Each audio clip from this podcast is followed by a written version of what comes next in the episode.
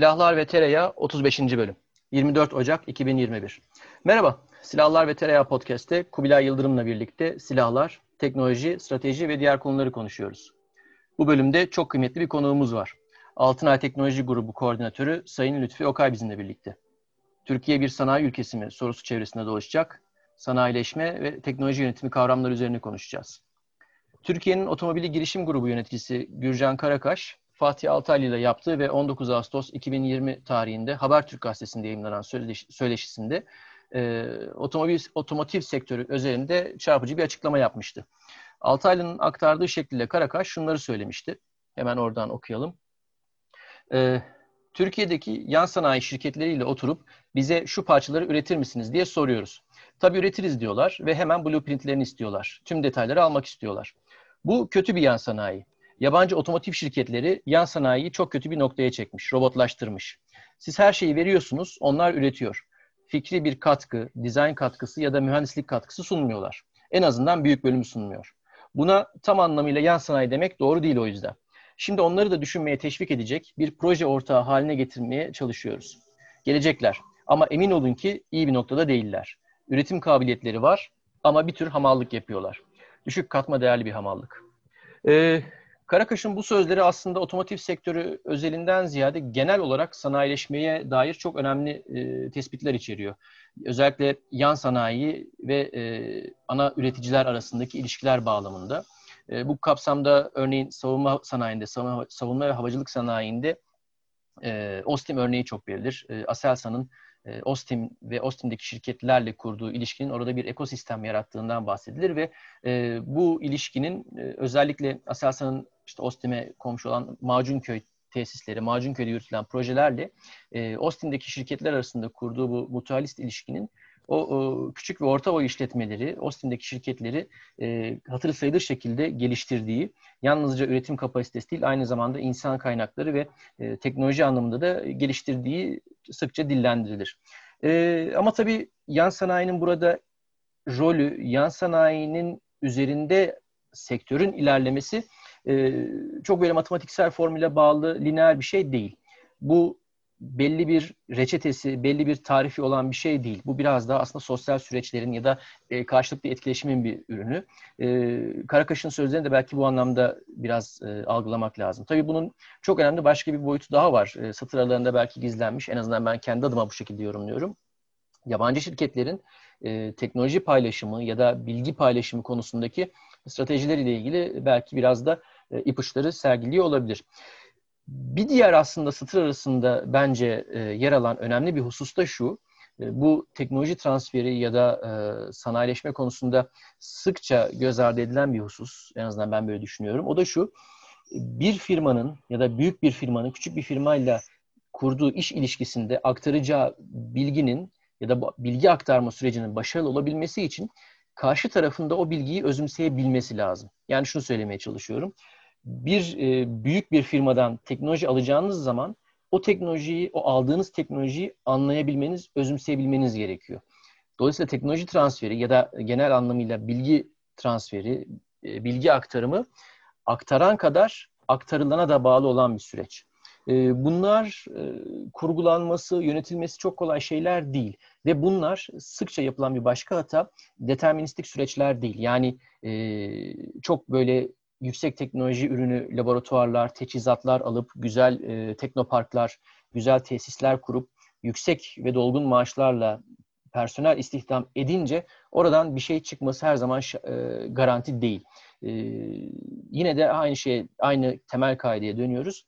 Sanayileşme, teknoloji yönetimi e, teknik hususlar olduğu kadar hatta bunlardan daha da fazla sosyal süreçler, sosyal süreçlerin ürünü. Bugün biraz bu e, kavramlar çerçevesinde dolaşacağız. Ben e, çok da fazla aslında sözü uzatmak istemiyorum. Lütfi Bey'in e, bizimle paylaşacağı çok kıymetli e, görüşleri e, ve bilgileri var. E, daha fazla e, dinleyiciyi de sıkmadan ben hemen kıymetli konuğumuz Lütfi Bey'e hoş geldiniz e, diyor ve sözü kendisine bırakıyorum. Buyurun Lütfi Bey, sizler bu konuyla ilgili e, neler söylemek istersiniz?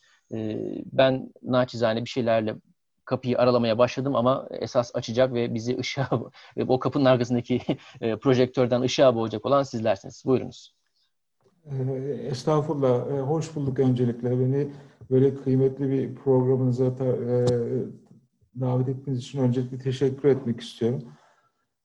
Sorunuza geçmek için aslında çok güzel bir yerden başladınız. Türkiye'nin sanayileşme sorunu gerçekten sıkıntılı bir süreç olarak nitelendirilecek bir durumda diye herkes tarafından konuşuluyor ama yani şu anda gelişmekte olan bir ülkeyiz. Burası e, kesin ve net. Ama diğer yönden baktığımız zaman da e, bir e, genel olarak bir sanayileşmiş ülkelerde ne, neleri biz farklı yapıyoruz veya onlar bizden neleri e, farklı yapmış diye baktığımız zaman aslında hepsinin zaman içinde böyle farklı e, şekillerde, farklı e, fırsatlarla sanayileşmelerini tanımladığını görüyoruz. Ancak bakıldığında hepsinde ortak bir nokta var. Nedir ona ortak nokta? Hepsi sanayileşmeyi belli bir teknolojinin e, etrafına değil, diğer disiplinleri de içine katarak, yani ben ona bütüncül veya topyekun bir yaklaşım diyorum.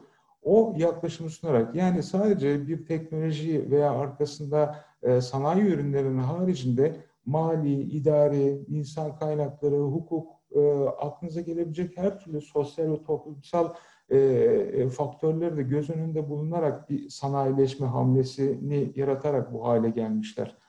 E, dolayısıyla e, dediğiniz gibi sadece bir teknolojiyi belli bir noktaya yaparak veya onları üreterek e, bir sanayileşmeden bahsetmek söz konusu değil.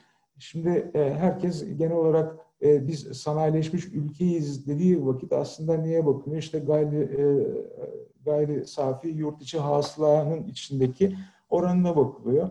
Ama oraya bakıldığı zaman zaten neredeyse çoğu e, çoğu ülke e, sanayileşmiş gibi gözüküyor ama işin özünde e, bence bir numaralı kriter siz ne kadar katma değeri yüksek ürünler üretiyorsunuz. Bu bunu e, e, tartmak gerekiyor. İkinci olarak da bu yarattığınız veya ürettiğiniz e, katma değerli ürünlerin e, den yaptığınız hasılatın veya kazancın e, ne kadarını tekrar yeni ürünler yapmak için e, kullanmak üzere bir kenara ayırıyorsunuz. Yani bunu da genel olarak ARGE uzmanları ARGE yoğunluğu diyor. Dolayısıyla herkesin merak içinde beklediği işte genelde yüzde iki, yüzde üçlerde olması gereken ARGE yoğunluğu miktarlarının işte sanayileşmelerini tamamlayan ülkelerde yüzde dört buçuk, yüzde beşlere Bizde ise daha yeni yeni bu işte inovasyon veya yenileşme akımları içinde yüzde birlere daha yeni yeni yaklaştığını görüyoruz. Dolayısıyla burada aslında kritik iki tane soru var. Şimdi Gürcan Bey'in konuşmasında haklılık payları var. Ee, bence haklı olmadığı kısımlar da var ama o belki hani bugün bir tartışması olur ama şöyle ki bir, e, biz aslında Türkiye olarak bakarsanız ülke olarak e, teknolojileri çok iyi takip eden e, bir ülkeyiz. Yani orada ne varsa, ne oluyorsa hemen hızlıca alıp bunu normal bir tüccar veya esnaf, esnaf mantığına koyup ondan sonra da e, normal işimizi gönderebiliyoruz. Ama ne zaman ki Gürcan Bey'in haklı olduğu taraf e, şu ki yeni bir şeyler koyup bunu üzerine geliştirip daha farklı ürünler üretme noktasına geldiği zaman size ait olmayan teknolojiye sahip e, sistemlerinizle bunları yaratmak güç oluyor. Dolayısıyla illa ki birileri sizin elinize verip bunların nasıl yapılacağına dair teknoloji de verip üretmenizi bekliyor. Halbuki sanayileşme yolunda veya sanayileşmiş ülkelerde böyle bir şey yok. Dediğiniz yan sanayiler bu arka plandaki teknolojiyi de geliştirerek e, ana ana yapıcıları ve OEM dediğimiz firmalara bu teknolojileri sağlayarak e, hayatlarını e, idame ettiriyorlar. Dolayısıyla mevcut e, duruma baktığımız zaman e, şöyle bir e, tabloyla karşılaşıyoruz. E, en e, teknolojik e, cihazlara sahipsiniz. Yeni çıkan e, teknolojilere karşı birazcık daha e, bu konuda kırılgansınız e, burada e, burada sizi e, rekabette ön plana çıkarabilecek noktada aslında bakarsanız e, ucuz işçilik, ucuz mühendislik olarak karşımıza çıkıyor. Dolayısıyla siz bunları yaptığınız zaman ancak rekabette kalır e, halde oluyorsunuz.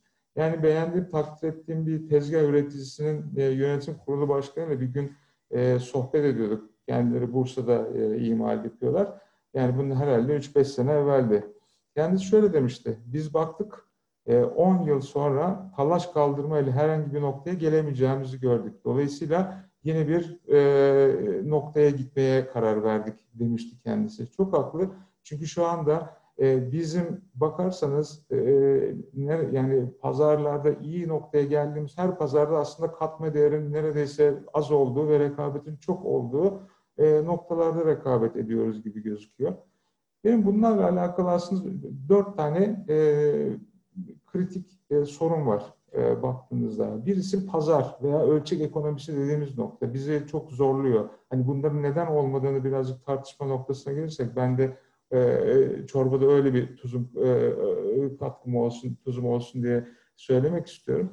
E, e, pazar ve ölçek ekonomisine girilmediği vakit o teknolojiyi yaratıp bunları e, yurt dışına satma gibi bir ikilemle karşılaşıyor aslında yan sanayiler veya diğer yöneticiler her kim olursa olsun. Dolayısıyla bunları yapabilmek için e, düzgün pazarlara iyi inovatif e, ürünlerle çıkabilmenin de e, bir, bir şartı var. Yani siz sadece kendinizi ülke pazarına göre hazırlarsanız buradaki ölçeklerle yurt dışında karşısına çıkacağınız rakipler arasında e, bir e, imalat ve ölçek ekonomisi farklılıklarla karşılaşıyorsunuz. Dolayısıyla daha başta bunları kaybetme yoluna gidiyorsunuz. İkincisi zaten herkesin birazcık e, sıkıntı, e, çok fazla sıkıntısını çekti. Bu finansal konular var. Ama finansal konularda bence kritik e, olan şey bu demin bahsettiğim topyekun e, kaynak e, yaklaşımdan da kaynaklanacak bir sıkıntı olarak da özetlenebilir aslında. Yani siz e, firmalarınızın, özel sektörünüzün yurt dışında iş yapmasını istiyorsanız bir proje finansmanı yapmak zorundasınız. Ve e, o finansmanı veremezseniz zaten e, zayıf ve kıt olan finans kaynaklarına erişmede sıkıntı yaşayan e, sanayiniz veya sanayiciniz bu sefer yurt dışındaki projeleri yapma veya onları e, realize etme noktasında da sıkıntılar yaşayabiliyor. Bu küçük bir noktasıydı. E, üçüncüsü ise eğitim. Bence kritik noktalardan bir tanesi. Yani eğitim noktasına ge geçtiğiniz zaman herkes kendini aslında bir şekilde şunu savunurken gör görüyoruz. E, yeni mezunlar iş arıyor. E, işletme sahipleri de e, ona uygun, onun e, işletmesine çalışacak uygun teknik kadrolara muhtaç olduğundan e, yansın ediyor. Aslında şurada kritik bir şey var bence. E, genel bir strateji kapsamında siz geleceğin ne mesleklere dair e, ihtiyacı olduğunu belirlerseniz e, eğitim e, kurumlarınız da ona uygun e, mezunlar yetiştirir ve onları sanayi sunar. Sanki o öngörülerle e, şu anda yaşanan e, durum arasında farklılıklar var. Yani öngörülerde bir takım hatalar olmuş. Şu anda sanayinin istediği veya e, mezun olanların beklediği bir sanayi arasında bir e, farklılık var ki insanlar şu anda birbirlerine e, bir, birleşip aynı noktada buluşup çalışma noktasına gidemiyorlar. Sonuncu nokta da kritik olabilecek e, bence bu konuda e, bizde e, ekosistem yokluğu var Arda Bey. Ekosistemler de büyüyor biliyorsunuz teknolojiler, bazı. Şimdi aslında birazcık da sizin bahsettiğiniz Kore'ye döndüğünüz zaman siz elektrikli bir araç e, üretiyorsanız o elektrikli aracın en kritik e, e, e, parçası aslında batarya. Yani bir elektrikli aracın yüzde ellisine yakın maliyeti bataryadan geliyor. Dolayısıyla bataryanızı siz e, en iyi özelliklerle donatıp yurt dışındaki piyasalarda da e, rekabet içinde olmak istersiniz değil mi? Dolayısıyla ve bunu da kendi orijinal e, teknoloji tasarımınızla birlikte geliştirerek insanları e, veya diğer rakiplerinize göre sizi bir adım daha ileriye taşıyabilecek bir noktada olmasını istersiniz. Dolayısıyla kimse size bunu bir kere yurt dışından size bu, böyle bir e, teknoloji sunmak istemez. Yani siz e, bin kilometre, bir şarjı bin kilometre yapabilecek bir batarya teknolojisini kimse sizle paylaşmak istemez. Bunu siz kendiniz yapabilirseniz belki e, sizi bayağı bir ileriye e, noktaya götürecek bir e, teknolojiye sahip olmuş olursunuz. Dolayısıyla ekosistemin içinde mesela elektrikli araçtan bahsettiğiniz zaman bu bataryayı geliştirecek, işte batarya yönetim sistemlerini tasarlayabilecek, soğutma sistemleri, güvenlik sistemlerini yapabilecek, bataryanın kendi iç hücrelerini üretebilecek en azından firmalara ihtiyacınız olacak. Daha sonra e, artık bir egzozcuya ihtiyacınız olmayacak. Ama sizin batarya enerjisini aracı ısıtabilecek veya soğutabilecek klimatizasyon sistemlerini üretebilecek insanlara ihtiyacınız olacak. Dolayısıyla hani derme çarpma sağdan soldan toplayabileceğiniz şeyler değil bunlar. Yani bir ekosistem ve bunu belli bir strateji içinde yapan e, firmalarla gerçekleşir diye e, özetleyip hani bu ilk e, turdaki sizin sorunuza karşılık olduğunu ümit ederek e, cevabımı vermiş olayım size. Çok çok teşekkürler. Hakikaten e, aslında meselenin genel çerçevesini çok güzel çattınız. E, ekosistem tabii çok kullanıldığı için belki biraz bağlamından e, koparılan bir kelime ya da kullanan herkes gerçek manada anladığını e, çok fazla e, zannetmiyorum. E, ancak kesinlikle üzerinde durulması e, gereken bir konu. Evet Kubilay, sen neler söylemek istersin? E, Lütfü Bey'in e, söylediklerinin üzerine e, bu konuyla ilgili en fazla belki biraz daha onun attığı başlıkların altını biraz doldurabiliriz. Bizim daha çok ilgilendiğimiz profesyonel hayatımızda değil tabii şey hayatımızda ne derler ona bu podcast'in çapındaki özel hayatımızda ilgilendiğimiz sektörlerle belki biraz ilintisini kurarız ve buradan bir şey çıkartabiliriz belki. Ya hani konuştuğumuz şeyler savunma sanayinde vesairede falan bizi e, patinaj çektirten şeylerin büyük çoğunluğunu gerçek hayatımızda da yaşıyoruz. İş hayatımızda, e, işte gündelik ekonomik hayatımızda vesairede falan filan. Bunları biraz e, belki e, dikkat çekebiliriz diye düşünüyorum. E, Türkiye'nin hakikaten Lütfü Bey'in biraz önce söylediği gibi asıl meselelerinden bir tanesi aslında katma değer meselesi. Yani e, Türkiye e, e, gerçekten de tarlalarını, güzel şehirlerini e, yani işte e, şey yapıp e, endüstriyel bölgeler halinde çevirip Anadolu'nun her tarafına yol götürüp vesaire yapıp her yere bir fabrika, her yere e, binlerce, on binlerce istihdam yaratacak bir dolu endüstriyel e, şey e, proje hayata geçirdi ve bunları bir şekilde devlet iyi niyetli olarak teşvik etmeye çalışıyor. Türkiye'de şey değil yani böyle bir geri kalmış bir ülke değil o bakımdan. İstediğiniz gibi endüstriyel otomasyonları vesaireleri alıp koyabiliyorsunuz. Belirli bir sektör şöyle birazcık e, sürgün vermeye başladı mı hemen onunla ilgili bütün alt sistemler şeyler toparlanıyor. Türkiye'de tedarikçiler bulunuyor. Bir sürü insan o işe giriyor vesaire falan filan. O bakımdan gerçekten e, şeyleri yaygın, zengin falan bir ülke. Fakat e, Türkiye bundan para kazanamıyor. E, asıl derdi bu. Hani e, bugün belki e, daha böyle e, bir sonraki turda daha derininde e, tartışacağımız e, soru belki de şu ya Türkiye hakikaten bir endüstri ülkesi mi? Endüstrileşmiş bir ülke oldu mu? Oluyor mu? Olmaya niyeti var mı yoksa biz baştan olmayacak gibi miyiz falan. E, bu konularda yok. Türkiye baya baya endüstriyelleşmiş bir ülke. Kompleks bir sürü şeyleri yapabilen bir ülke. Fakat Türkiye'nin bir tane derdi var ki Türkiye katma değer üretmeyi bilmiyor. Türkiye katma değer yaratmayı bilmiyor. Türkiye'nin e, sanayicisi de kurduğu bütün ekosistemi de devleti de bürokrasinin bakışı da e, aslında e, böyle büyük hacimler, büyük cirolarla, böyle 10 binli e, vesaireli istihdamlarla, çok küçük kar marjlarıyla katma değeri düşük işler şey yapmak, peşinde kovalamak üzerine kurulu. Ee, onun için işte büyük fabrikalarda yeni modern makinalarla falan işler yapmaya çalışıyoruz. Ee, bir şey olarak söyleyeyim, bir e, yan not olarak söyleyeyim. Belki daha önce konuşmuşuzdur bunu. Ee, hani hep söylenen bir şey var ya Türkiye işte bütün parasını inşaata yatırdı, işte sanayiye şey aktarılmadı falan. Bu konuda biliyorsun benim bir bir bir mimim var, bir küçük soru işaretim var. Ya bu, bu o kadar da doğru değil aslında. Çünkü e, işte malum üzere Türkiye'nin 20 küsür milyar e, dolarlık falan bir şeyi var. Senelik e, ne derler ona e, bir bir e, hacmi var, bir makine e, şey teçhizat e, hacmi var. Bunların ciddi bir kısmı aslında Türkiye'de endüstriye e, katıldı. Bir sürü yeni fabrikalar kuruldu, bir sürü yeni makineler e, geldi Türkiye'ye işte e, yani şu az önce örneğini verdiğin Ostim bile geçtiğimiz 10-15 yıl içerisinde e, her köşesinden çok özel torna frezelerin, çok pahalı makinelerin fışkırdığı e, çok dünyada pek de eşi benzeri olmayan böyle hani e, şeyin e, talaşlı imalatı ve bazı özel proseslerin Silikon Vadisi'ne benzer garip bir yere dönüştü. Orada milyarlarca dolarlık makine var neredeyse. Sadece Ostim'in içerisinde.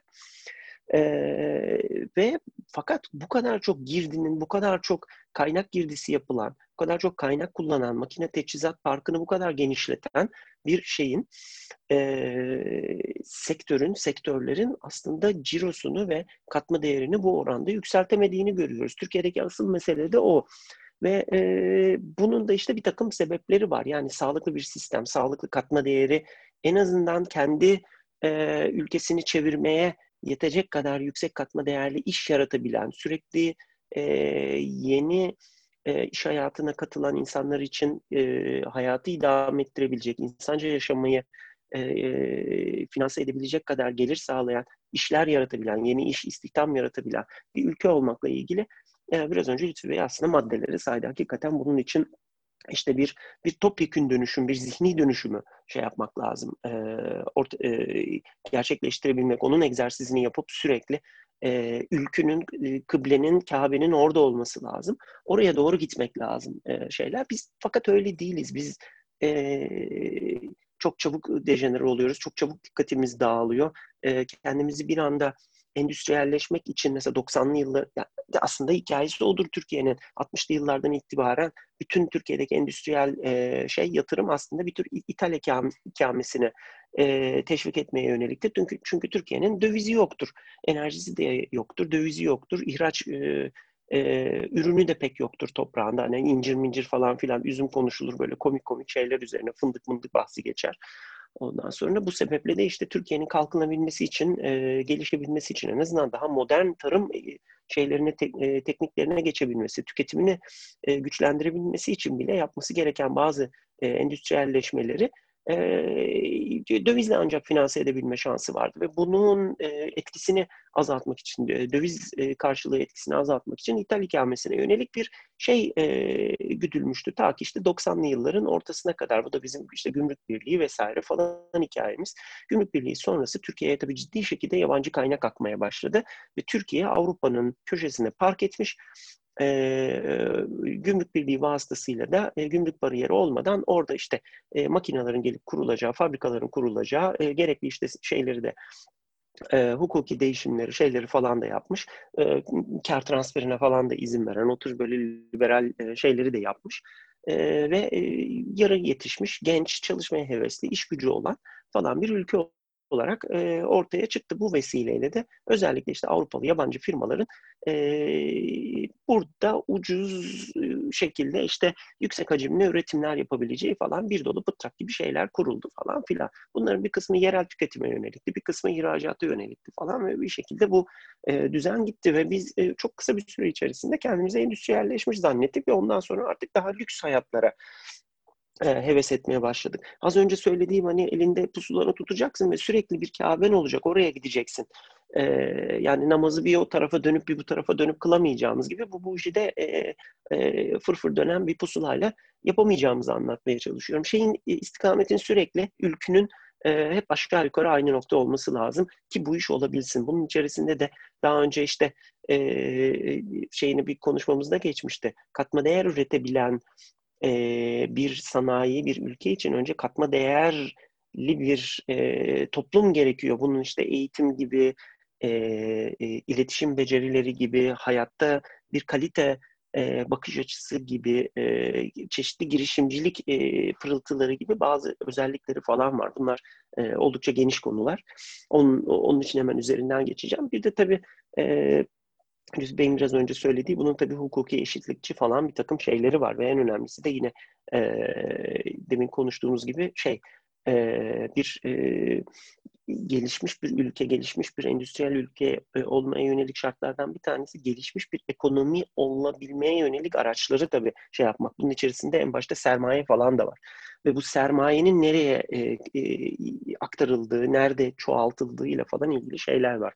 Eğer e, kısaca söyleyeyim hakikaten sermayeni e, e, yurt dışında ya da işte şeyde dünya çapında gideri olmayan, albenisi olmayan e, inşaat projelerine yerel e, beğeniye göre ve oldukça da demode, dandik inşaat projelerine gömüyorsan sen bir inşaat ülkesisindir. Ama e, ekonomik kaynaklarını, sanayi projeleri ve e, e, katma değerli bazı e, şey e, geliştirme ve üretim mühendislik e, sektörlerine aktarıyorsan sen bir şey e, endüstriyel ülkesindir aslında bu kadar da e, görece basit. Biz bunların tabii e, ikisi de hemen hemen değiliz aslında. Biraz böyle garip arafta enteresan bir e, şey halimiz var.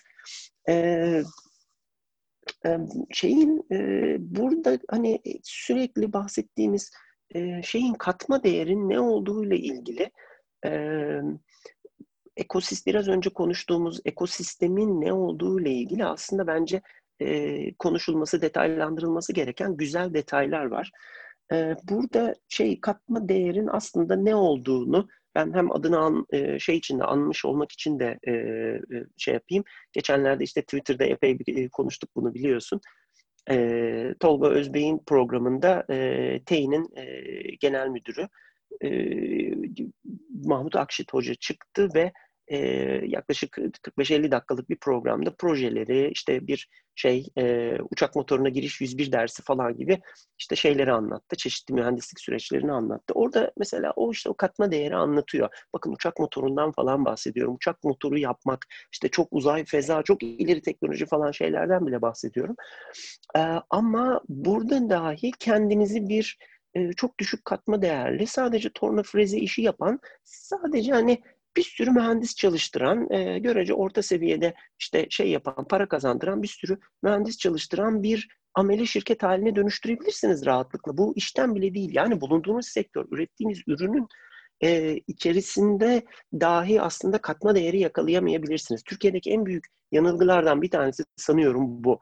Ya işte yüksek teknolojiye girelim, şunu üretelim, işte şu da yapılmıyor. Motor, Türkiye'de motor niye üretilmiyor? Ya tamam okey ama e, bunların böyle şeyler e, bunları birer e, tutku objesi, birer fallik obje gibi algılamaya başlarsak e, bunların bize e, kazandırabilecekleri konusunu e, gerçekten e, kaçırmış oluruz. Ve, ve Türkiye'de aslında hala hazırda da bunu görüyoruz. Şu anda Türkiye son derece büyük bir kafa karışıklığı içerisinde bu konuda. E, işte e, Akşit e, ne söyledi o programda? İşte Amerika'dan gelen bir askeri ateşeye e, işte şu 5 eksenli, 6 eksenli bir tezgahta yapılan işte özel bir prosesten, oradaki blisk üretiminden falan bahsetti. TEİ hakikaten o konuda dünyada birkaç firmadan bir tanesi. E, burada TEİ e, zamanında e, adım adım kendisine Amerika'dan gönderilen, işte GE'nin çeşitli mühendislik şeylerinden gönderilen e, imalat reçetelerini kullanmaktan vazgeçti kendi bir takım yatırımlar yaptı, kendi seçtiği tezgahlarla, kendi seçtiği, uzmanlaştığı bir takım proseslerle belirli parçaları öyle değil, siz onu öyle üretiyor olabilirsiniz ama biz bunu böyle üretiyoruz diyerek bir maliyet etkinliği, bir üretkenlik kazandırdı. Onun için şu anda dünyada kendi ürettiği bazı altyapılarda dünyada ki birkaç e, tedarikçiden bazıları. Bunu birisi ne bileyim işte e, Richard Branson çıkıp ya işte bilmem neredeki Hans sana para veriyorum. Git Türkiye'deki TEİ'yi bilmem nereyi batır. Onun ürettiği parçaları e, sen de üret. Paranın sonu yok istediğin tezgahı alabilirsin dese TEİ ile rekabet edebilecek bir altyapıyı paldır küldür kurabilir mi? Hayır kuramaz. Çünkü her şey know-how'la e, aslında şey e, alakalı. Ve e, katma değer işte oralarda o proses bilgisiyle, tasarım bilgisiyle, tecrübelerle falan e, bir araya geliyor. Ve burada işte az önce yine e, konuştuğumuz e, diğer ekosistem konusuna e, atlamak istiyorum. O bahsettiğimiz katma değeri e, çoklaştırmanın ve aslında katma değerin cirosunu çoklaştırmanın yolu da aslında ekosistemden geliyor. Yani ekosistemi geliştirmekten geliyor. E, bugün çok da şanslıyız aslında. Bu bence şeyin kilit e, konularından bir tanesi. E, Lütfi Bey aslında tam olarak da e, bugünkü profesyonel hayatını da o kendi şirket içerisindeki ekosistemi çoklaştırmak ve çok farklı kabiliyetleri, e, farklı yerlerde bulunan farklı hizmetler için geliştirilmiş kabiliyetleri de e, bir bir ekosistem bütünlüğü içerisinde bir herhangi bir son ürüne e, rekabetçilik ve katma değer kazandırmak için e, kullanacak olan birisi. Ben e, bir sonraki turda e, affına sığınarak biraz emrivaki yapmış olayım. Ondan şeyi rica edeceğim. Mesela bu e-mobitek elektrikli mobilite e, firmasının mesela kuruluşu, ondan sonra işte e, e, konusunda biraz daha belki detay verir diye düşünüyorum. Çünkü aslında tam olarak şu anda yaptığımız e, yani örneğini gördüğümüz şey belki de e, firmanın değişik kabiliyetlerini bir araya getirip onu e, yurt dışında, dünya çapında pazarlanabilir bir e, bir değer, değerler bütünü haline getirme e, projesinin tam olarak içindeler ve şu anda gözümüzün önünde şu anda bunu uyguluyorlar aslında. E, benzer bir şeyi e, mesela ekosistem e, e, serzenişini daha önce konuşmuştuk seninle Arda hatırlarsan şey e, Nail Kurt FNSS'nin e, genel müdürü Nail Kurt bir e, evet, programda evet, aynen, değerlendirmişti. Evet, doğru. E, ya hani ne olursa olsun bizim ürettiğimiz araçlar aslında otomotiv araçları.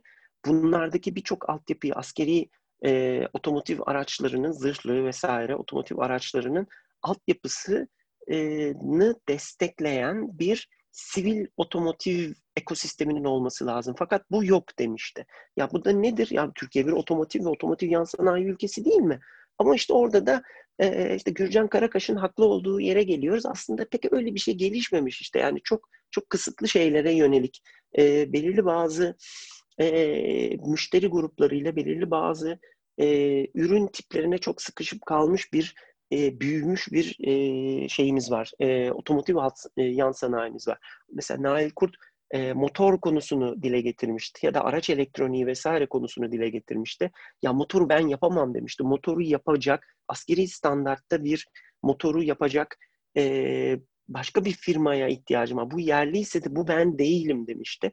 Bunu da yapacak firmanın karşılaşacağı ilk şey işte bir önce motora baktığınız zaman bir motor bloğu görüyorsunuz. Ne var ki bunda diyorsunuz ama içerisinde onlarca yüzlerce çok farklı teknolojide çalışan şey var. Sensörler var. Hepsi bunların farklı şeyler. Bir dolu değişik ekspertiz var. İşte malzemeyle ilgili, dökümle ilgili. Biri alüminyum, öbürü çelik, biri dövme, öbürüsü bilmem ne falan. Ee, Ondan sonra talaşlı işlemler, sıcak işlemler, ondan sonra sensörlerle ilgili işte paketleme bilgileri, elektronik bilgisi vesaire falan bu bu ekosistem yok demişti. Bunu bir motor üreticisini destekleyecek Türkiye'de. Bu olmayınca, sivil olmayınca bunun askeri ekosistemi de olmuyor. Askeri ekosistem olmayınca da biz tabii ki işte bir araç entegratörü olarak kalıyoruz ve e, yurt dışı tedarikçilerle de çalışmak zorunda kalıyoruz diye e, biraz belki de hani şeyi demeye çalıştı. Bu konuda bizim üzerimize fazla geliniyor belki e, demeye çalıştı Nail Kurt. E, ben yine her zaman olduğu gibi çok şey yaptım, çok e, uzattım, çok da dağıttım konuyu. Ama e, şeyin e, hani Türkiye'deki ekonomik vesaire falan sorunun genel olarak aslında ineceği, şey yapılabileceği, basitleştirebileceği e, biraz önce Lütfü Bey'in de anlattığı birkaç tane konu var gerçekten. E, ölçekler, katma değerin üretilmesi, her şeyde, konutta da katma değeri yakalayabilmek, sanayide de katma değeri yakalayabilmek, bunun metodolojisinin ne olduğu konuları e, ve gelişmiş bir, bir e, mali sisteme, gelişmiş bir e, ekonomiye sahip olma bu cepte para bolluğu demek değil sadece. Bunun işte hukuki, egaliteryen falan bir takım şeyleri de var. E, çapları da var. Bizim oturup e, kur, faiz e, e, dikotomi ya da dualitesine tartışma e, e, ya kendimizi e, kaptırmamız bir yana aslında tartışmamız gereken gece gündüz sabah akşam tartışmamız gereken konular bunlar diyor bırakıyorum size. Lütfü Bey'e pas atmadan hemen önce ben aslında sen konuşurken e, aklıma gelen bir şeyi anlatayım. Aslında belki o Lütfü Bey'in de e, biraz açmasını rica edeceğimiz bu ekosistem ve e, çevresiyle büyüme e, kavramına da biraz altlık belki oluşturabilir. E, ben hani seni de paylaşmışımdır yakın çevremde paylaşırken hep il ismi veriyorum ama şimdi hani e, o ilden olan e, dinleyicilerimiz rencide olmasın ya da e, kötü hissetmesin diye e, bölge ismi vereceğim. Benim e, iç Anadolu tipi sanayileşme dediğim bir şey var aslında belki e, literatürde de kavramı yani karşılığı vardır. E, nedir iç Anadolu tipi sanayileşme? Çoğunlukla işte e, aile şirketleri e, bunlar e, belli bir alanda faaliyet gösterir. E, genelde talaşlı imalat ya da işte döküm kalıp vesaire e, parça üretimiyle başlar. Zaman içerisinde ikinci kuşak bu işi büyütür büyütür. Ondan sonra ne olur? Ya kardeşler arasında e, kavga olur ya işi çok iyi bilen bir ustabaşı çekirdekten yetişen bir e, çalışan e, ben bu işi çok iyi biliyorum artık deyip hemen e, başka bir şirket e, kurar. Karşısına e, şey yapar. E, ortaklık bozulur ya da çalışan e, ayrılır. E, o şirketin karşısında başka bir şirket kurulur ve e, biraz büyüyen o ana şirket küçülür karşısındaki şirkette o biraz daha büyür büyür rekabet ederler, fiyat kırarlar. Ondan sonra aynı hikaye o ikinci şirkette de olur. Böyle böyle aslında e, mevcut olan bir potansiyel e, devamlı pastanın o e, daha küçük dilimlere bölünmesi gibi bölüne bölüne bölüne gider. E, genel toplamda o şehrin ya da o bölgenin sanayisi çok fazla ilerlemez, çok fazla kayda değer bir atılım sağlayamaz. Ama o süreçte de bu şirketler birbirleriyle rekabet için fiyat kıra kıra kıra kıra e, kendi kendilerini e, öldürürler. E, karlılıkları zaten ortadan kalkmış olur. Artık neredeyse maliyetine iş yapar hale gelirler ve bu şekilde e, çok daha ilerilere e, atılabilecek, e, ilerilere geçebilecek sektör e, belli bir yerde tıkanır kalır. O kritik eşiği, hani orta gelir tuzağı diyelim tam olarak onu ifade etmiyor ama o bir o bir bataklıktan çıkamaz. E ben Çorum'da doğdum, büyüdüm. Çorumluyum. Köklerim orada.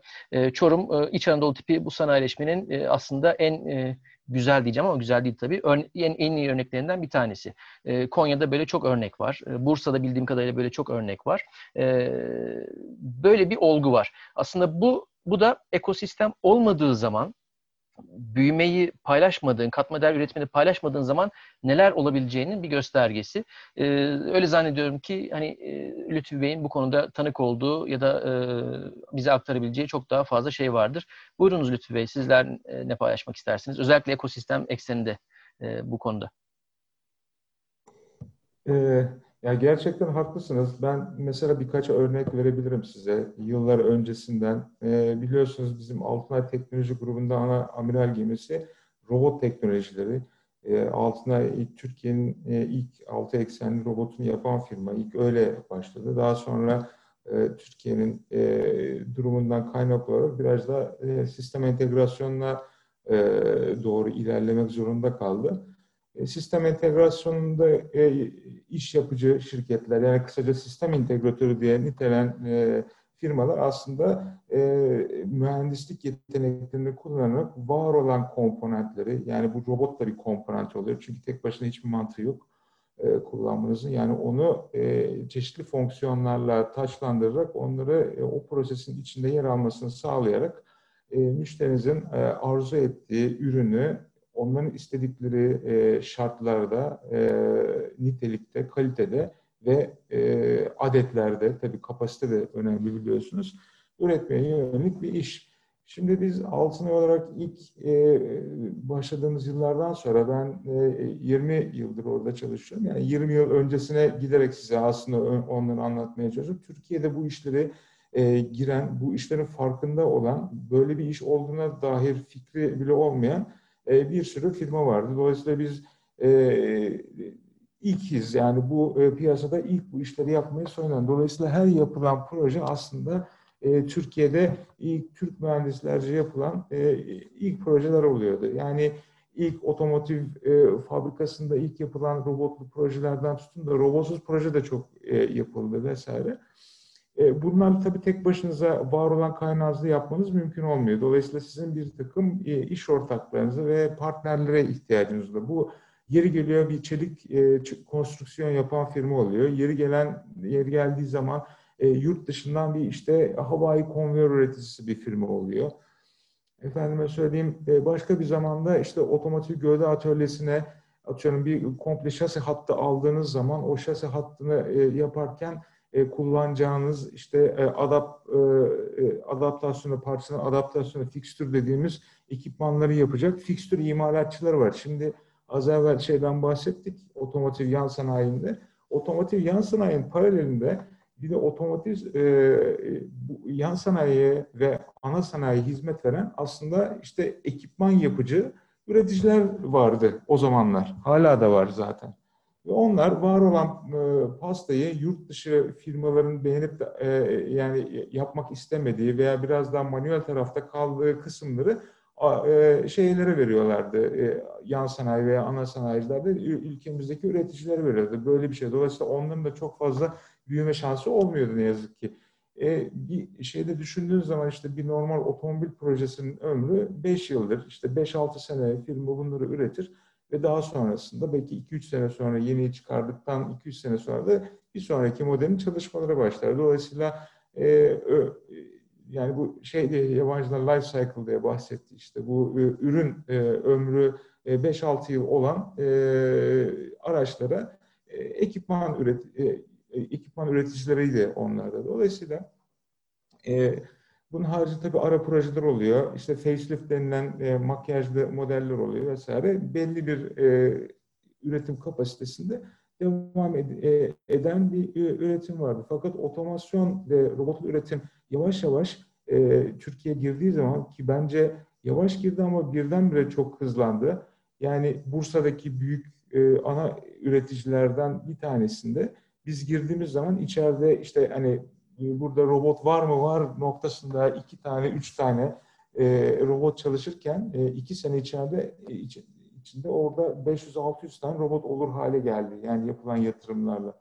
Dolayısıyla biz bazı şeyleri yavaş takip ediyoruz e, demekten aslında hızlı takip ediyoruz ve adaptasyonumuz çok yüksek oluyor. Dolayısıyla bu projeler geldiği zaman e, biz de firma olarak da hep yurt dışı firmalarla rekabet halinde oluyorduk ve az evvel konuştuğumuz meseleden dolayı düşük e, yani katma değerimiz onlara göre e, bir şekilde daha düşük olması bekleniyordu ve biz bunları sağlayarak bir ufak projelerle başlayıp daha sonra ileride daha büyüyecek projelere imza atmaya başladık. Tabii bunları yaparken de bu az evvel bahsettiğim firmalarla e, birlikte yürümeye başladık.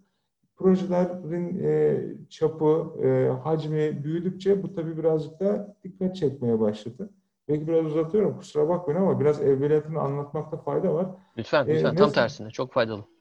E, 2008-2009 yıllarına geldiğimiz zaman yani bu kriz zamanlarına geldiğimiz zaman herkes de bir aslında nedir ki bu e, robotlu otomasyon işi? Yani hepimiz geliriz. Nasılsa fikstürü biz yapıyoruz işte iki tane robot eli veya işte spot tabancası entegrasyonu yapıp bunlara giremez miyiz diyen bir sürü firma oldu ve onlar da e, Kubilay Bey çok e, ve siz de tabii e, çok yakın hatırlarsanız birdenbire herkes bu işlere e, girmeye başladı. Bazıları robotları kendileri aldı yani temsilcilerini.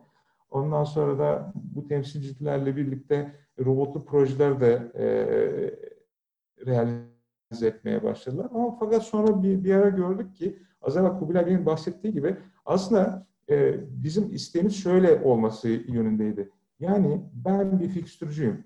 Bu fikstürü en iyi fikstürü yapıp e, mesela Altınay gibi bir e, sistem entegratörü veya hat imalatçısıyla birlikte yapıp onunla birlikte bir şey alet e, e, işbirliği içinde daha büyük e, işlere girme noktasında olabilirsiniz mesela ama bu nokta hiçbir zaman biliyorsunuz yani az evvel işte Kubilay Bey de bahsetti birazcık hep bizde şey vardır ya da siz de bahsettiniz işte İç Anadolu'daki yöneticiler benim olsun küçük olsun vesaire halbuki herkes büyük olabilirdi. Ben mesela size bir şey örneği vereceğim. İspanya'da bir kooperatif var.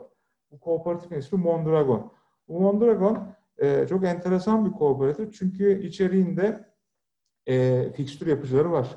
Robot entegrasyonu yapan, e, işte ne bileyim e, kapıları e, biz böyle hemming dediğimiz üzerine e, katlayabilen özel e, e press, tabletop denilen presler yapan üreticiler vesaireler var. Dolayısıyla yeknesak bir e, firma gibi dayanarak, e, şey yaparak, e, davranarak e, işte efendim söyleyeyim bütün bildiğiniz OEM'leri vesaire iş yapabiliyorlar. Aslında işin özünde birazcık burada iş birliğinden güç doğar mantığı var veya felsefesi olması lazım. Biz onu beceremedik. Yani belki o zaman öyle bir ekosistem oluşsaydı yani işi iyi yapan birkaç tane sistem entegratörü ve etrafında yoğunlaşmış pres yapıcı, fikstür yapıcı, efendime söyleyeyim üst e, çelik konstrüksiyon yapıcı, ne bileyim özel e, tool yapıcısı vesaire işte e, laser kaynağında iyi olan bir takım e, e, imalatçılar veya işte normal e, tezgah konusunda iyi olan e, imalatçılarla birlikte oluşmuş bir yapı olsaydı belki şu anda belki daha farklı şeyler konuşuluyor olurdu. Ama ben şu anda gelinen duruma bakıyorum. İşte dediğiniz gibi o sistem entegratöründen ayrılmış bir firma e, kurmuş. Oradan ayrılan başka bir firma. Şu anda tam olarak bilmemekle birlikte tahminimce 150'den fazla e, sistem entegrasyonu, robot grup vesaire yapan bir e, yoğunluk var. Yani firma yoğunluğu var. Dolayısıyla hani bu yoğunluğun içinde o insanların da dediğiniz e, gibi bir katma değer yaratmasından ziyade bir hayatta kalma gailesiyle birbirleriyle acımasız rekabetler e, oldu. Bir anekdot anlatayım çok enteresan. Bu tabii biraz daha farklı ama bir de yani Türk firmaların haricinde yurt dışından gelen oyuncuların da pazar içinde yer kaptırmama e, mücadelesi de var. Yani ben şunları yani off the record olarak duyduğum şeyler var. Biliyorsunuz OEM'ler hep şeyler yaparlar. E, internet üzerinden e, ihaleler yaparlar. Bir ihalenin sıfırlarıyla bittiğini söylediler bana. Yani bilabeder o işi yapmak üzere ihale alan bir firma olmuş. Yani bu yani diğer tabii rakibini e, oraya sokmamak adına bunu yapıyor ama böyle bir yırtıcı bir rekabet ortamında bırakın teknolojinin gelişmesini ben bu işi nasıl e, kurtarırım, bu işte nasıl ilerletirim, kendimi bu sene veya önümüzdeki sene nasıl hayatta tutarım gibi biraz daha hani bu ihtiyaç parametrenin daha alt e, basamağında olan e, hissiyatla ilerleyen firmalar olarak davranmaya başlayan bir sektör olarak önümüze çıkıyor. Dolayısıyla bu şekilde sadece hayatta kalmayı hedefleyerek devam etmeye çalışan bir sektörde yani bırakın teknoloji geliştirmeyi ben bu işi nasıl daha ucuza yaparım veya rekabet şansımı nasıl e, yükseltirim diye düşünerek ilerleyen bir şeyde zaten teknoloji gelişiminden veya kendinizi yurt dışında başka noktaları koymanız da e, olanakta tanımıyor. Zaten bu tarzda düşünen firmalar e, hani e, hasbel kadar yurt dışından e, bir proje aldığı zaman da ikincisi de olmuyor. Zaten e, biliyorsunuz bu e, herkes yatırımını 5 veya 10 senelik e, işte ömür e, içinde çalışabilecek e, e, yatırımlar olarak yapmak istiyor. Dolayısıyla oraya geldiğinizde sizin 3 e, 3 ay sonra bir şeylerin kırıldığını vesaire gördüğünüz zaman o zaman siz bu anlama getiriyorsunuz. Teknoloji yerine birazcık daha mühendislikten veya para kazanmayı daha ön plana koyarak hakkını vermediğiniz bir projenin arkasında duran bir firma görüntüsü veriyorsunuz. Dolayısıyla ikinci projeyi almanız mümkün olmuyor.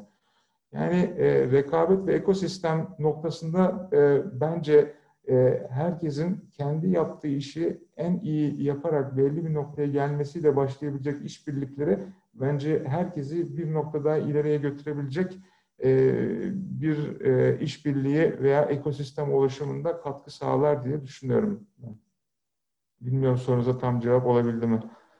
Aslında fazlasıyla oldu. Çok teşekkürler. Ee, Lütfi Bey'in bahsettiği bu detaylandırdığı diyelim e, ekosistem meselesini düşündükçe aslında şöyle bir şey karşımıza çıkıyor.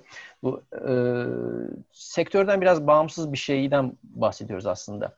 Yani tabii ki her sektörün kendine özgü bazı dinamikleri var, bazı kendilerine özgü nitelikleri var. E, üretim ilişkileri olsun, kamuyla e, ya da e, pazarla, iç ve dış pazarla ilişkileri olsun. Her sektörün tabii ki kendine özgü bazı özellikleri var. Ancak e, bu ekosistemin oluşturulabilmesi için gereken şeyler daha farklı. Burada e, teknolojik determinizm ya da endüstriyel determinizmin tuzağına düşmememiz gerekiyor. Yani dünyada varsa ve insan yapısıysa biz daha iyisini yaparız diyebilmek için önce o insana dair bazı şeyleri ya da e, o verimli topraklara dair bazı şeyleri çözmemiz gerekiyor. Burada aslında üzerinde konuşmamız gereken şey belki de biraz bu. Yani e, katma değeri yüksek ürünlere, teknolojilere yatırım yapacağız. E, bunlar işte kilogram başına ya da konteyner başına Türkiye'ye çok daha fazla gelir getirecekler. Bir tır tişört ihraç etmektense bir tır robot ihraç edip daha fazla para kazanacağız ve orta gelir tuzağından kurtulacağız. E o zaman ne yapacağız? Yapay zeka, robotik, e, inovasyon, bulut bilişim.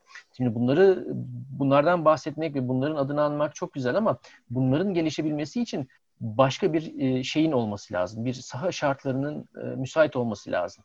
O saha şartlarını müsait kılmak ise e, yalnızca insana, yalnızca üretim altyapısına yatırım yapmakla alakalı bir şey değil. Hukuki normlar, etik ve ahlaki normlar, bazı sanayiden bağımsız, sanayiden başka, teknolojiden başka başka alanlarda yetkinlik ve gelişmişlik seviyesi gerektiriyor. Bu da aslında en başta her zaman ucundan kıyısından e, değindiğimiz şeyler. E, sanayide, teknolojide gelişebilmek, sanayileşebilmek için sanayi dışı bazı kritik alanlarda da gelişmişlik seviyesine ulaşmamız gerekiyor. Ee, daha da uzatmadan e, son tur olarak e, Kubilay sana sözü vereyim. Ondan sonra da toparlayalım. Valla Arda biraz önce söylediğin o etik kaygılar, e, etik değerler işte bunun aslında bir de şeyi var. Ticari etik gibi ticaret kültürü, ticaret ahlakı falan gibi bir takım saçakları var. Bunlara sahip olmak işte biraz önce bahsettiğin robot bilmem ne ondan sonra yazılım, kod, e, bulut bilişim falan gibi şeylerden daha önemli. Bizim farkına varmakta milletçe zorlandığımız şeylerden bir tanesi bu. Çünkü bunun bir gideri de yok yani şey manasında hani e, ne bileyim işte bir e, büyük e, mainstream ana akım, ha, ana akım gazetenin orta ekonomi sayfasına bilmem ne teknolojisini koyduk. Robotlar işte fabrikada 200 robot çalışacak, harika şeyler olacak falan demenin yahut da işte dün bilmem nelerdi, şimdi bilişim vadisinde harikalar çıkartacaklar falan gibi e, haberlerin hem alan hem veren hem ondan sonra onu okuyan e, vesaire falan açısından böyle sonsuz gideri var. İşte çok ciddi bir e, e, siyasi de bir e, şeyi var. E, ne derler ona? E, getirisi var. Ondan sonra işte Türkiye'de bu konularda teşvikler falan da fena değil. Bir takım işte şeyler e, e, aynı e, ya da nakli yardımlar vesaireler falan da işte şey yapabiliyor. Böyle garip bir düzeneye dönüşüyor. İşte okuyan insan da ah işte diyor tamam benim ülkem burada şey yapıyor. Demek ki biz bilmem nereyi yakalayacağız az kaldı falan diyor. O da mutlu oluyor falan. Bunların çoğu gerçek değil aslında. Yok yani aslında böyle bir şey.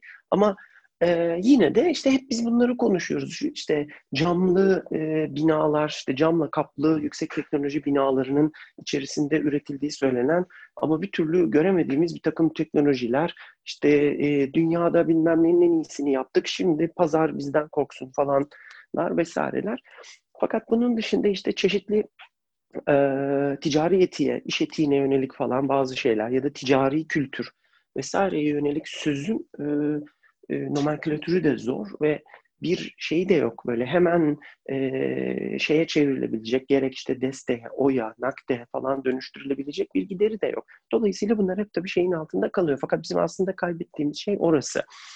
E, bizim podcast'in daha önceki bölümlerinde de söylediğimiz, senelerdir işte konuştuğumuz şeylerde de söylediğimiz bir ayrı dert de şu aslında Türkiye'deki birçok sıkıntının bir engineering ya da bir üretebilir bir bir şey üretilebilirlik e, problemi olarak görülmesi, bir bir mühendislik problemi olarak görülmesi.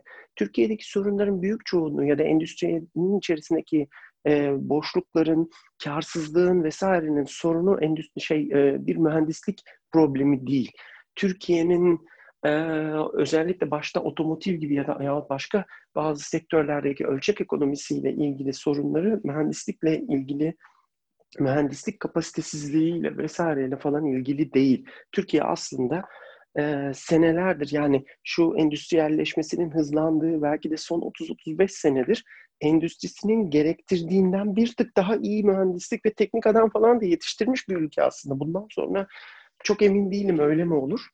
E, gerçekten emin değilim ama e, uzun bir süredir öyle geliyordu aslında. Yani okuldan çıkan, şey yapan yahut da işte bir belirli bir, bir başlangıç tecrübesine e, atlatan, tecrübelenen falan insanlarını doyurabilecek kadar teknik iş de yoktu. O sofistikasyonda iş de yaratamıyordu aslında Türkiye.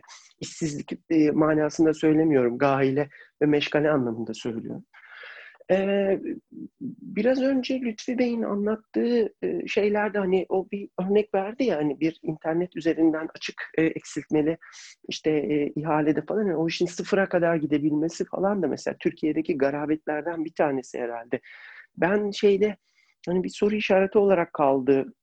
Ben e, çok emin değilim mesela yurt dışındaki bir büyük bir e, ana sanayinin e, tedarikçilerinden bir tanesinin e, zaten yani yasaktı zaten yapamazsınız bunu. Sen biliyorsun Arda hani şeyleri e, o konudaki işte biz e, uluslararası bazı şeylere e, işte rekabete yönelik e, bir takım eğitimler almak ve bunlara da riayet etmek zorundayız profesyonel tabii, hayatımızda. Tabii, tabii. Sen çok de ağır, ben de. Çok ağır şeyler var. Aynen. E, e, e, yani evet yani yapamazsın ama bu hani böyle bir şeyi e, çok saçma bulacaklarına iyi de tamam da hani bu niye oluyor ki? Yani bu bunun bir şeyi var. Herkes bu işi para kazanmak için yapıyor ve şu şu e, şeylerle, parametrelerle yapıyor. Burada ne oluyor ya şimdi falan e, diyeceklerinden eminim ama Türkiye'de mesela yadırganmıyor da bu.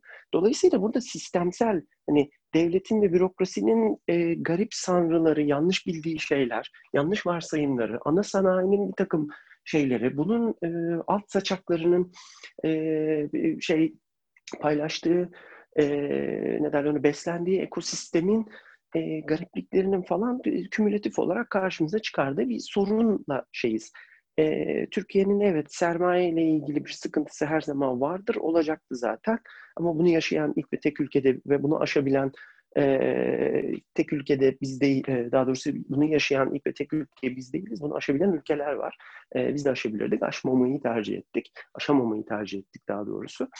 E, bu sebeplerle şey, e, yani biz aslında kendi yarattığımız bir e, sorunu e, farklı e, şekillerde e, tanımlayarak onu aslında sorunun kaynağını es geçerek e, ve garip palyatif çözümler e, üreterek şey yapmaya çalışıyoruz, e, yenmeye çalışıyoruz diye düşünüyorum. E, şey çok önemli tabii yani e, işte biz ürün satalım hakikaten işte artık robotları da yerli yapalım ya da bilmem neleri de yapalım. Hayır bir dakika böyle değil yani aslında. Her şeyi e, şey yaparak e, yerlileştirerek vesaire falan değil ya da işte aynı orta vasıfta derinliği çok dar olan bir takım şeyleri çoklaştırarak, ciroları yine arttırarak e, ticaret hacmini yahut da işte katma değeri arttırmak diye bir şeyin olduğundan ben çok emin değilim. Bu, bu çok gerçekçi değil. Türkiye'nin oysa ki gerek endüstriyel altyapısı gerek e, dünya piyasalarına, dünya endüstrisine entegrasyonu, insan kalitesi falan aslında dünyadaki bütün o e, katma değer ekosisteminin içerisine kendisini enjekte edebilerek buradan e, yani insan onuruna yakışır kendisine yeter seviyede bir katma değeri alıp cebine koyup bununla da e, karnını doyurabilecek bir e, bir iş modeli yaratmasına aslında yetiyordu. Biz bunu biraz pas geçtik. Bunun çeşitli sebepleri var aslında. E, bu da pek dışarıdan kaynaklanmıyor. Bu bizden kaynaklanıyor. Ve tabii ki de aslında hiçbir e, başka e, tarafta kökü olan firma, büyük konglomera, uluslararası firma en karlı olan, pastanın kaymağı olan işlerini e, tepside tabii ki sana vermez. E, bir, bu da senin e, podcast'in ilk başında söylediğin şeye geliyor. Ya veren alan meselesi.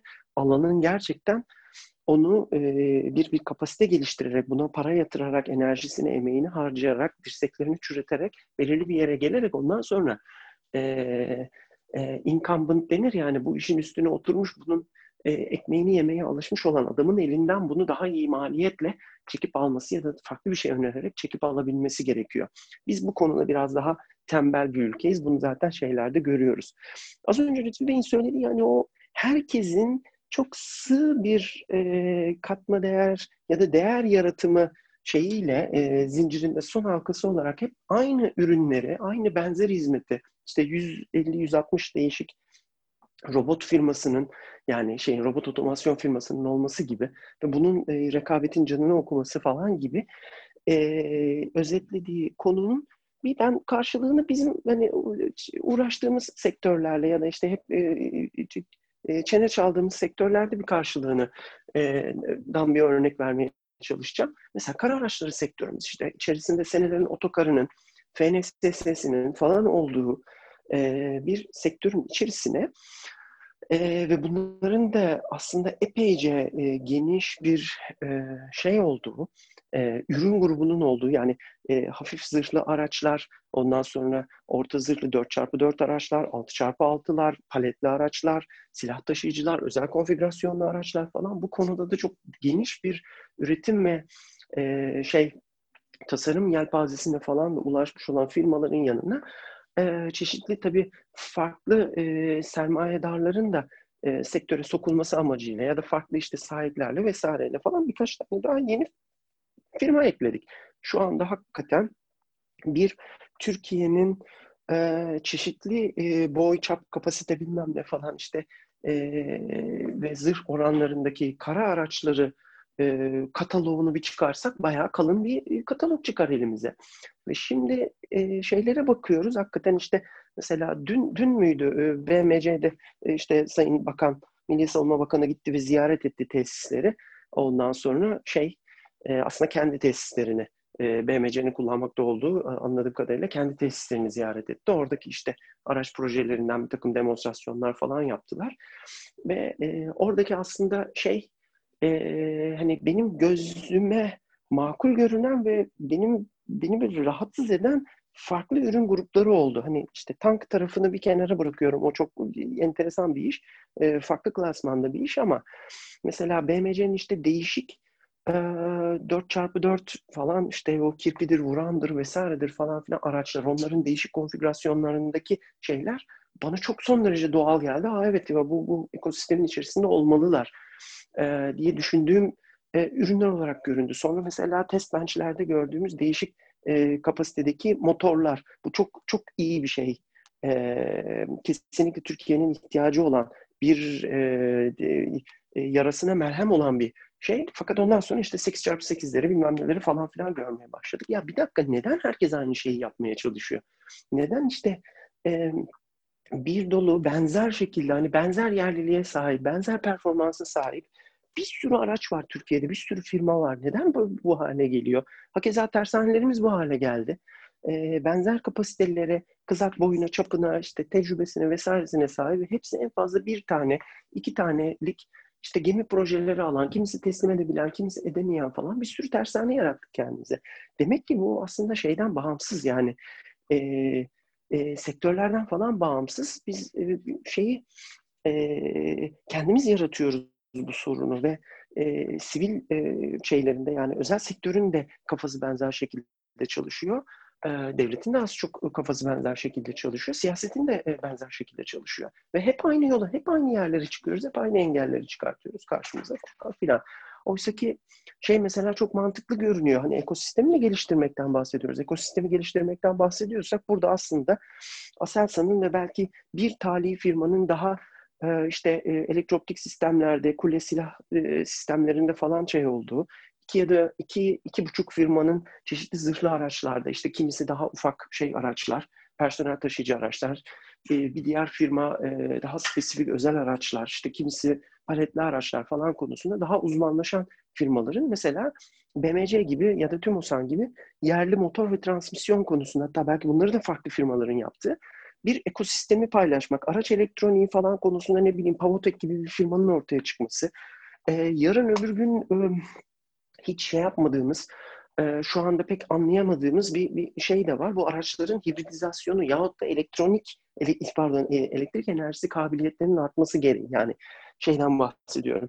Belki APU falan bile kullanmadan hani vuran yahut da kirpi boyutundaki bir aracın bile sürekli üstündeki sarpın, üzerindeki e, şeyin telsizin işte e, üzerine konulacak işte çepeçevre şey yapan işte o yam göz dediğimiz 360 derece kamera sisteminin yarın öbür gün eklenirse o e, şey lazer e, uyarıcıların, varsa işte şeylerin, e, akustik uyarıcıların bilmem nelerin hepsinin enerjilendirilmesi gerekiyor. Ya bu bunlar belirli bir yere gelip e, günlerce belki yerlerinden hiç kımıldamıyorlar operasyonlar sırasında. Bunlar için de bir e, ona hani silent watch falan diyorlar ya hani sessiz hiçbir motorun hiçbir şeyin çalışmadığı ama bataryalar tarafından işte desteklendiği bütün altyapı şeylerin, sensör ve e, silah sistemlerinin bir e, şeye doğru gitmemiz gerekiyor. Dünya buraya doğru gidiyor işte ve biz bunun gerisinde kalıyoruz. Mesela bu konuda da işte Altınay'ın mesela elektrik işte e-mobitek firması ya da elektrifikasyon e, tarafının bu konuda ya da belki bir firmanın daha e, entegrasyon kabiliyetine sahip olması ve bu işte bu soğanı soydukça e, o soğanın her şeyinde e, ne derler ona e, her kabuğunda Türkiye'de buna yetkin, mümkün mertebe elinden gel, geldiğince yetkin bir firmanın bulunabilmesine yönelik bir şeyi ortaya koyabilmemiz lazım. Ama biz sürekli şeyde soğanın cücüğü de biz olalım, en dışındaki kabuğu da biz olalım. Evet o kabuklar kalsın ama her şeyde biz olalım haline dönüşmeye başlıyoruz. Hakeza şeyde de e, sivil sektörde de işte biraz önce Lütfü Bey'in anlattığı gibi bir şey haline dönüşüyor e, her şeyi ben yapayım, her satışı ben yapayım ve e, dolayısıyla her yerde ben olayım. E, yani e, şeyler hakikaten e, otomasyon entegratörleri bir yerden sonra ya ben bu fikstürcüye neden para vereyim ki bilmem ne deyip işte o işleri e, döke saça kendileri yapmaya çalışıyorlar.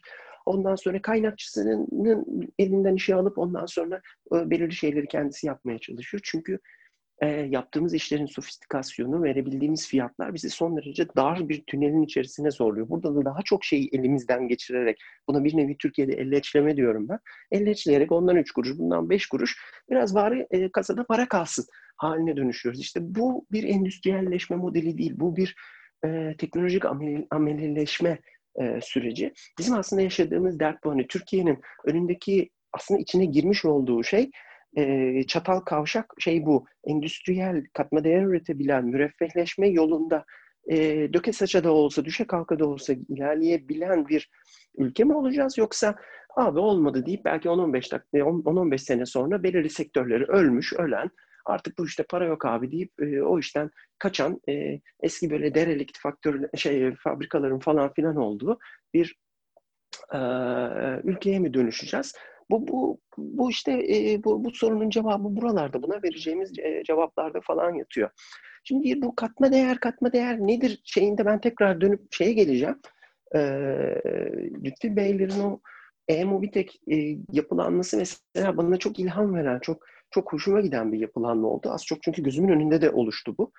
E, bu bir şey elektrikli araç firması ve aslında komponent seviyesinden yani aşağıdan yukarıya doğru e, şey yapabilen, e, entegrasyonunu arttıran e, e şey e, Türkiye'dekinin aksine, bilindiğin aksine farklı bir yaklaşım oldu. E, evet yani şeyin bataryaları, hücreleri, o şeyleri, o silindirik ya da işte prizmatik falan hücreleri kendileri üretmiyorlar. Ama e, dünyadaki en büyük e, firmalarla çalışarak e, standart şeyler oluşturmuş durumdalar sizin ihtiyaçlarınıza göre değişik kimyalardaki ve e, formatlardaki batar bataryalarda, hücrelerden bir e, size elektrifikasyon paketi şey yapabiliyorlar, e, çıkartabiliyorlar. Burada tabii bu bir paket değil aslında. Yani paket derken bir kutunun içerisine koymanız falan değil. Bunun ısıtması, soğutması ve e, o bataryanın, o pillerin aslında lityum iyon piller çok narinler. O narin şeyleri, e, sistemleri ee, çok değişik şekillerde iş makineleri, işte madencilik araçları, otobüsler, şehirler arası otobüsler, şunlar bunlar araçlar, ticari araç, işte şey araç falan gibi çok farklı beklentileri olan, çalışma parametreleri olan farklı şeyler için, e, e, araç tipleri için konfigüre edebiliyorlar ve aslında en büyük şeyleri e, batarya idare sistemi yetenekleri yani kendi PCB'lerine, elektroniklerine falan kadar şey yapıp e, ne derler ona e, tasarlayıp kendi yazılımlarıyla şey yapabiliyorlar. E, e, size bir paket e, verebiliyorlar. Mesela bu çok büyük bir şey. Bunu da bir üst üst entegrasyon seviyesini çıkardı Emobitek. Mesela Türkiye'deki, yani biz hep şeye alışkınızdır ya, mühendisliği, firmanın mühendisliği Almanya'dadır, firmanın mühendisliği bilmem işte Avrupa'da bir yerdedir. Ondan sonra e, dandirik üretimi Türkiye'dedir falan filan bir tane fabrikada şey yapar ama işin aslında kaymağı Almanya'da vesairede yapılır. Firma mesela bunu tam tersi yaptı. Türkiye'deki mühendislik kabiliyetini, Türkiye'deki üretim kabiliyetini aslında e, Almanya'da kurduğu firmanın e, bir e, şeyi e, ne derler ona e, e, tedarikçisi asıl değer yaratıcı e, altyapısı olarak e, kullanmayı tercih etti. Ve bunu bir adım yukarı da çıkardılar. Size artık bir araç elektrifikasyonu e, paket hatta elektrikli araç bile verebiliyorlar. İşte burada bir tane işte Fiat Doblo'yu aldılar. Bu da yine Türkiye'de yerlilik oranı inanılmaz yüksek olan bir aracı alıp aslında yani boş bir şey olarak alıp bunu e, elektrikli bir ticari araç haline getirdiler. Avrupa'da o boyutta en yüksek menzile sahip elektrikli aracı aslında yaptılar. Türkiye'de bunun alıcısı vardır yoktur o ayrı bir şey ama ortaya bir tane bir son ürün çıktı. Neredeyse içerisindeki hani ana komponentlerden bahsediyorum. E, e, lityum iyon hücreler hariç geri kalan her şeyi e, yerli çözümlenmiş e, bir araç çıktı ortaya ve bu işte bu farklı bir farklı bir değer yaratım e, merdiveni, bir piramidi e, yaratmış oldu. Sanıyorum bizim kendimize şiar edinmemiz gereken, örnek edinmemiz gereken e, şey modeli de, e, iş modeli de biraz da bu. diyeyim ve e, yine tabii şey iyice abarttım ben. E, pası tekrar size atayım. Teşekkürler aslında Kubilay. Çok yani güzel bir toparlama oldu. Aslında en son verdiğin örnek bende bir şeyi anımsattı. O da şu, Almanya'da yaşayan bir arkadaşım var. Almanya'da çok büyük bir otomotiv firmasının ARGE bölümünde çalışıyor kendisi. Kendisiyle bir iki sene önce sohbet ederken şeyden bahsetmişti. Bu arkadaşım işte bu firmanın çeşitli ülkelerdeki ARGE ekipleriyle de devamlı irtibat halinde. Onlarla projeler yönetiyor, projeler yürütüyor. Ve şeyden bahsetmişti. Ee, işte Fransa'da da ekiplerimiz var, Almanya'da da ekiplerimiz var, farklı Avrupa ülkelerinde de ekiplerimiz var demişti ve o ülkedeki ekiplerden çok fazla verim alamıyoruz demişti. Yani o e, verim alamamanın sebebi o ülkelerdeki e, çalışanların, mühendislerin eğitim kapasiteleri ya da e, zekaları falan değil, becerileri değil. E, ve şeyden bahsetmişti işte e, Hindistan, Türkiye, çeşitli Doğu Avrupa ülkeleri buradaki ekiplerle çok daha verimli çalışıyoruz. Çok daha e, kısa sürede çok daha iyi sonuçlar alıyoruz demişti. Sebebi de şuymuş. E, daha doğrusu kendi iç değerlendirmeleri sebebin şu olduğunu göstermiş. Avrupa'daki herhangi bir mühendisin ya da herhangi birisinin belli bir eğitim seviyesindeki kişinin çok fazla bir derdi yok toplumsal olarak zaten belli bir refah seviyesindeler. E, ispatlamaları gereken çok fazla bir şey yok. Zaten e, bir gelecek kaygıları yok. Kendilerini ispatlamak ya da daha e, yukarı e, sosyal olarak, e, sosyal katman olarak daha yukarı bir pozisyona e, çıkmak için çok ciddi bir motivasyon içerisinde değiller. Ama işte e, Türkiye gibi, belli Doğu Avrupa ülkeleri gibi, Hindistan gibi ülkelerde hem bireysel olarak hem de e, belki sosyopsikolojik olarak bir kendini kanıtlama ya da işte e, belli bir eşiği aşma dürtüsü çok daha kuvvetli ve bu daha kuvvetli dürtüler o ülkelerdeki ekiplerin çok daha yaratıcı, çok daha girişken, çalışkan olması e, sonucunu doğuruyor diye bir tespitini paylaşmıştı. Şimdi burada önemli bir faktör var. Ee, iktisadi kalkınmada da bu vardır. Daha önce belki bahsetmiş olabilirim, hatırlamıyorum. Şimdi Çin'in en büyük yani gene Çin'e değinmiş olduk. Çin'in de adını almış olduk ama e, Çin'in en büyük e, motivasyonu ne? E, Amerika Birleşik Devletleri'ni yakalamak. Yani bu ulusal bir kızıl elmaya dönüşmüş durumda. Hem bireysel olarak bu Çin'deki pek çok firma sahibinde hatta sokaktaki vatandaşta dahi bu psikoloji var. Çin bu anlamda kendi nüfusunu mobilize etmeyi başardı, seferber etmeyi başardı. Çin'in ülküsü Amerika Birleşik Devletleri'ni yakalamak ve geçmek. Buna da neredeyse yaklaştılar. Belli alanlarda geçtikleri bile iddia edilebilir. Peki Almanya'nın işte e, belki Fransa'nın, İngiltere'nin bu ülkelerin ülküsü nedir? Bu ülkelerin ülküsü e, belki oldukları yeri korumaktır. Yani ortalama bir Alman vatandaşı işte Amerika Birleşik Devletleri'nde geçip dünya lideri olacağız diye bir e, şey muhtemelen yaşamıyordur. Bu motivasyon aslında ülkelerin sanayi ve teknoloji politikalarına doğrudan yansıyor. Çin'in teknoloji geliştirmek için, ARGE için yaptığı her şey, planladığı, kurguladığı her şeyin özünde o tek bir amaç var. Amerika'yı yakalamak ve geçmek.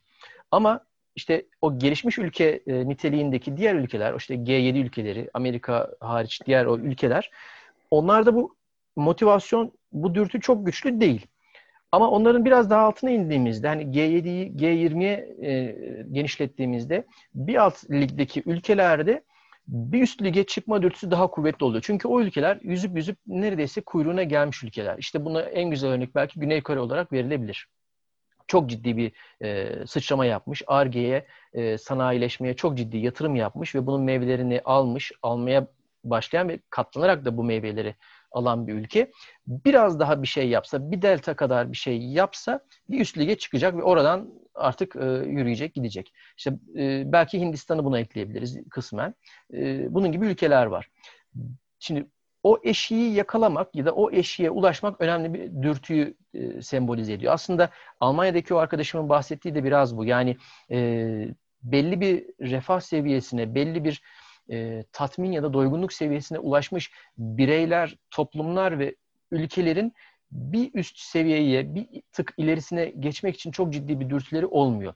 Burada da aslında belki e, en temel başka bir e, sonuca varıyoruz. E, ülkü birliği.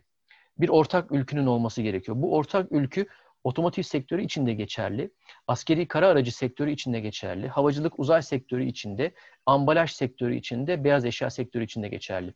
Sektörel bir ülkünün belirlenmesi gerekiyor. Bu ülkü biz işte dünyanın en büyük otomotiv firmalarına en iyi e, dikiz aynasını, en iyi e, tamponu üreteceğiz de olabilir. Ülkenin çapına bağlı, sanayi kapasitesine bağlı olarak bu da bir ülke olabilir. Ya da bizim ülkümüz dünyanın en iyi enerji verimliliğine sahip, en ileri seviye yapay zeka, otonom sistemlere donatılmış elektrikli araçlarını biz üreteceğiz ise eğer bu da bir ülküdür. Bu da güzel bir ülküdür, iddialı bir ülküdür. E, bu da başka bir şeydir.